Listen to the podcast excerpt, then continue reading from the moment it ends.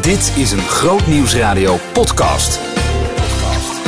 Zalig de politici, de enige podcast waarin de bergrede de stemming bepaalt. Met Annemarie Biljart. Ja, de zaligsprekingen. De uitleg van de wet en het Onze Vader.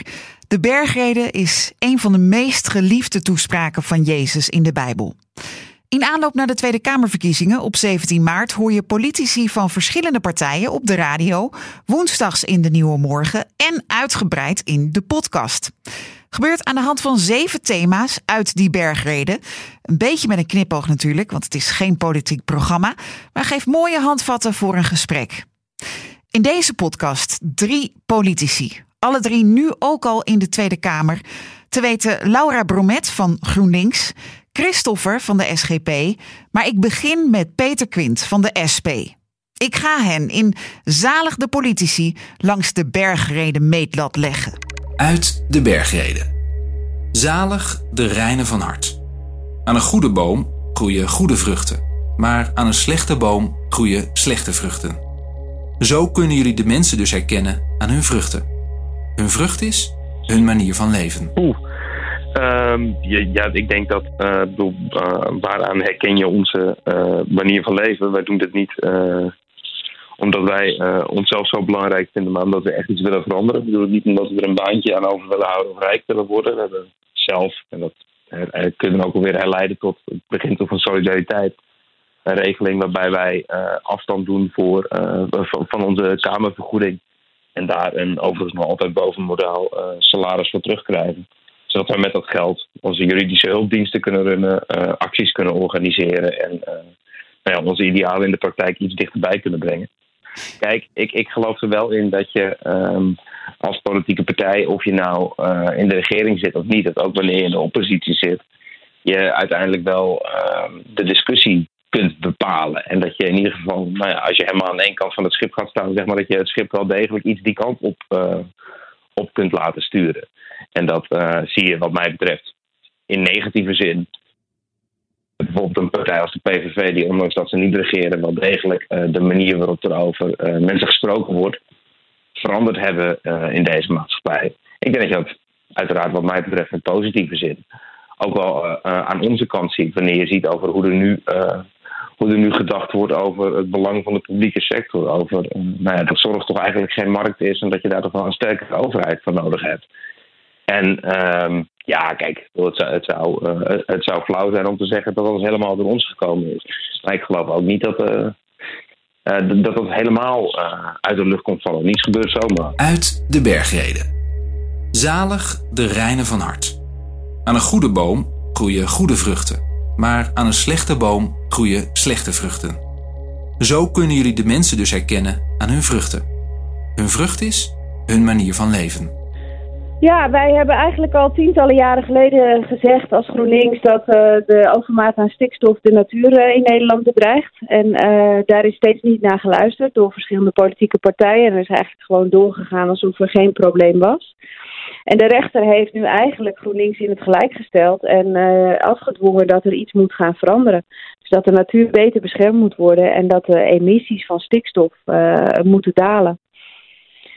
En uh, ja, dat is, dat is, aan de ene kant is dat heel fijn, omdat uh, dan wij het gevoel hebben van nou nu gebeurt er eindelijk iets. Aan de andere kant is het ook wel heel treurig dat je op zo'n manier je gelijk moet krijgen uh, via rechter en na vele jaren wachten.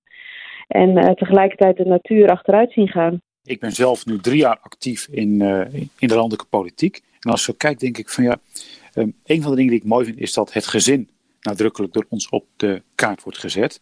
En zeker ehm, het gezinsinkomen. We hebben dat vaak aangekaart vanuit de eenverdienersproblematiek, maar met name het gezinsinkomen. En dat een gezin ook gewoon de ruimte moet hebben om naast werk ook voor elkaar te zorgen. Dat is denk ik een van die vruchten. Een, een, een mooie vrucht van de SGP vind ik ook uh, de Week van het Leven.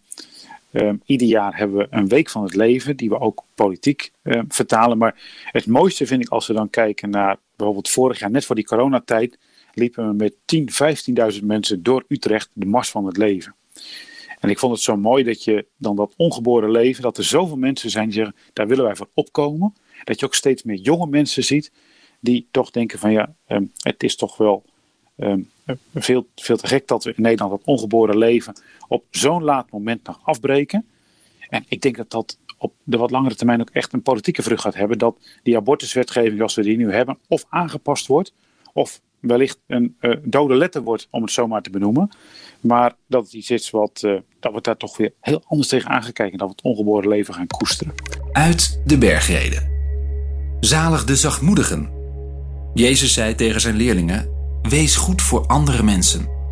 Maar doe dat niet om iedereen te laten zien hoe geweldig je bent. Want dan krijg je geen beloning van je hemelse vader. Nou ja, kijk, um, wij vinden dat de afgelopen jaren, decennia wel denk ik, uh, er heel veel geld in Nederland is, is verdwenen um, richting, uh, richting grote bedrijven zonder dat mensen daar iets voor teruggezien hebben. Je ziet dat zeg maar, het reële besteedbare inkomen, dus wat je gewoon ook qua koopkracht uh, echt in je portemonnee hebt, dat blijft al een jaar of veertig voor grote delen van Nederland hetzelfde. En ja, dat, dat, je, je ziet ook in de publieke sector dat daar uh, veel geld verdwenen is. Dus uh, de, de, de huren zijn veel, uh, veel hoger geworden en steeds minder mensen kunnen een woning vinden. De mensen die het wel kunnen vinden, die zijn steeds meer geld aan, aan die woning kwijt. Daarnaast zie je ook dat er grote problemen zijn in de zorg. Nou ja, bij de politie hebben we de afgelopen tijd kunnen zien. Um, maar ook in, in onderwijs. Er is een gigantisch lerarentekort. klassen zijn onnodig groot. En uh, wij geloven wel dat je ook, uh, nou ja, door daarin te investeren, zullen we ook door als overheid durven te investeren in dat wat, uh, wat van ons allemaal is. Dat je daardoor een betere samenleving krijgt, waarin mensen nou ja, meer gelijke kansen hebben. Het, het, het, ging er de laatste jaren regelmatig over. Dat is een heel ander punt. Wat, wat is het linkse alternatief voor rechts? Hè? Met, met tot nu toe vooral een grote VVD op rechts. En kleinere linkse partijen, vooral sinds het grote verlies van de PvdA in 2017. Wat is uw verklaring uh, en oplossing voor dit probleem tussen aanhalingstekens van linkse partijen? Nou, ik zou zeggen, het gaat niet allereerst om het probleem van de linkse partijen. Het gaat wel over de effecten van het beleid. Want als je nu kijkt naar de coronacrisis en uh, de manier waarop we eigenlijk uh, hebben bezuinigd op de zorg, waardoor er weinig plek is om zieke mensen op te vangen, de manier waarop het onderwijs bezuinigd is. Eigenlijk alle publieke voorzieningen zijn langzaam uitgehold, terwijl de grote bedrijven hebben ruim baan gekregen. En uh, ja, daar merken mensen gewoon in hun dagelijks leven heel veel van. Uh, het enige is dat heel veel mensen nog niet in de gaten hebben dat dat wel bewust beleid van rechts is geweest om uh, ja, de publieke voorzieningen uit te hollen.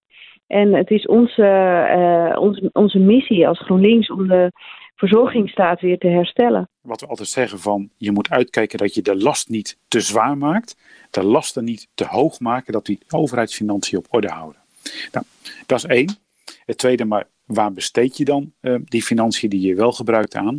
Ja, dan zijn wij een partij die heel sterk opkomt voor defensie. En het gaat ons niet om het militeertje spelen, dat gaat ons om veiligheid. Zowel hier in Nederland als ook in de rest van de wereld. Dat daar um, een goede rechtsstaat, hier in Nederland zijn we zuinig op die rechtsstaat, maar ook dat elders in de wereld we dat bevorderen. Recht en vrede en veiligheid. Zalig de politici. Het enige gesprek op de radio waar de bergreden je stemming bepaalt. Over vrucht dragen en de zachtmoedigen in onze maatschappij, de helden zo je wilt. Het geld dat er gaat naar grote bedrijven, overeenkomsten daar tussen GroenLinks en de SP. Wat verschillen met de SGP die onder meer defensie prioriteit geeft. Uit de bergreden. Zalig zijn zij die hongeren en dorsten naar de gerechtigheid Jullie hebben gehoord dat er in de boeken is gezegd: houd van je broeders en haat je vijanden. Maar ik zeg tegen jullie: houd van je vijanden en bid voor de mensen door wie jullie slecht behandeld worden. En hoe gaat de partij om met um, tegenstanders in de maatschappij? Ik zal dat verduidelijken met mensen die een compleet andere mening hebben, bijvoorbeeld over het eh, genderdebat op dit moment. Um, in de eerste plaats uh, laten wij ons verhaal uh, zelf zien. Hè? Het verhaal um, wat wij ook baseren op, op Gods woord. Dat God man en vrouw heeft geschapen. dat dat ook echt uniek is. Dat dat ook nodig is om gezinnen te vormen, nieuwe generaties. En dat debat, dat moet je echt voeren binnen de democratische rechtsorde. En het is zo dat mensen daar anders tegen aankijken. Daar heb je elkaar in debat over. Daarna speelt mee, er zijn natuurlijk ook gewoon mensen die een andere geaardheid hebben of niet weten of ze man of vrouw zijn. Dat is een klein gedeelte van de samenleving, dat laatste. Daar moet je ook zeer zorgvuldig mee omgaan en echt oog voor hebben. Maar dat wel binnen de Bijbelse bedding, van zoals God heeft de mens heeft geschapen. Man en vrouw. En daarmee ook nou ja, tot de jongste dag. Ehm, dat ze ook zijn, zijn beslag moet krijgen. Maar je moet dat wel op een waardige manier proberen in te bedden in het democratisch uh, debat. Uit de bergreden. Maak je dus geen zorgen over de volgende dag. Want de volgende dag zal weer zijn eigen zorgen met zich meebrengen. Elke dag heeft genoeg aan zijn eigen problemen. Ja, ik hou van Nederland. Ik hou van uh, de Nederlandse natuur, van uh, het lage land waarin we wonen. Maar we moeten ons uh, goed realiseren dat het ook een hele kwetsbare plek is. En ik ben daarom ook de politiek ingegaan om, om, om, om Nederland mooier te maken. En mensen houden niet van verandering. Dus het is heel moeilijk om. het is soms moeilijk om mensen mee te nemen in de, in de dingen die nodig zijn om klimaatverandering tegen te gaan. Maar ik vind dat je als politiek moet je ook leiderschap tonen. En als je weet dat we voor een hele grote bedreiging staan, dan moet je daar werk van maken. En je hoop, je droom misschien wel voor na de verkiezingen, behalve dat de jasjesplicht wordt afgeschaft in de Tweede Kamer? ja, daar heb ik gelukkig, uh, ik geloof dat de voorzitter het opgegeven heeft. Dus dat, uh, dat maakt het uh, voor mij allemaal weer een stuk makkelijker op mijn werk. ja, ja, goed, je, droom is natuurlijk vaak je omgekeerde vrees. De, de, de afwezigheid van een bepaalde angst.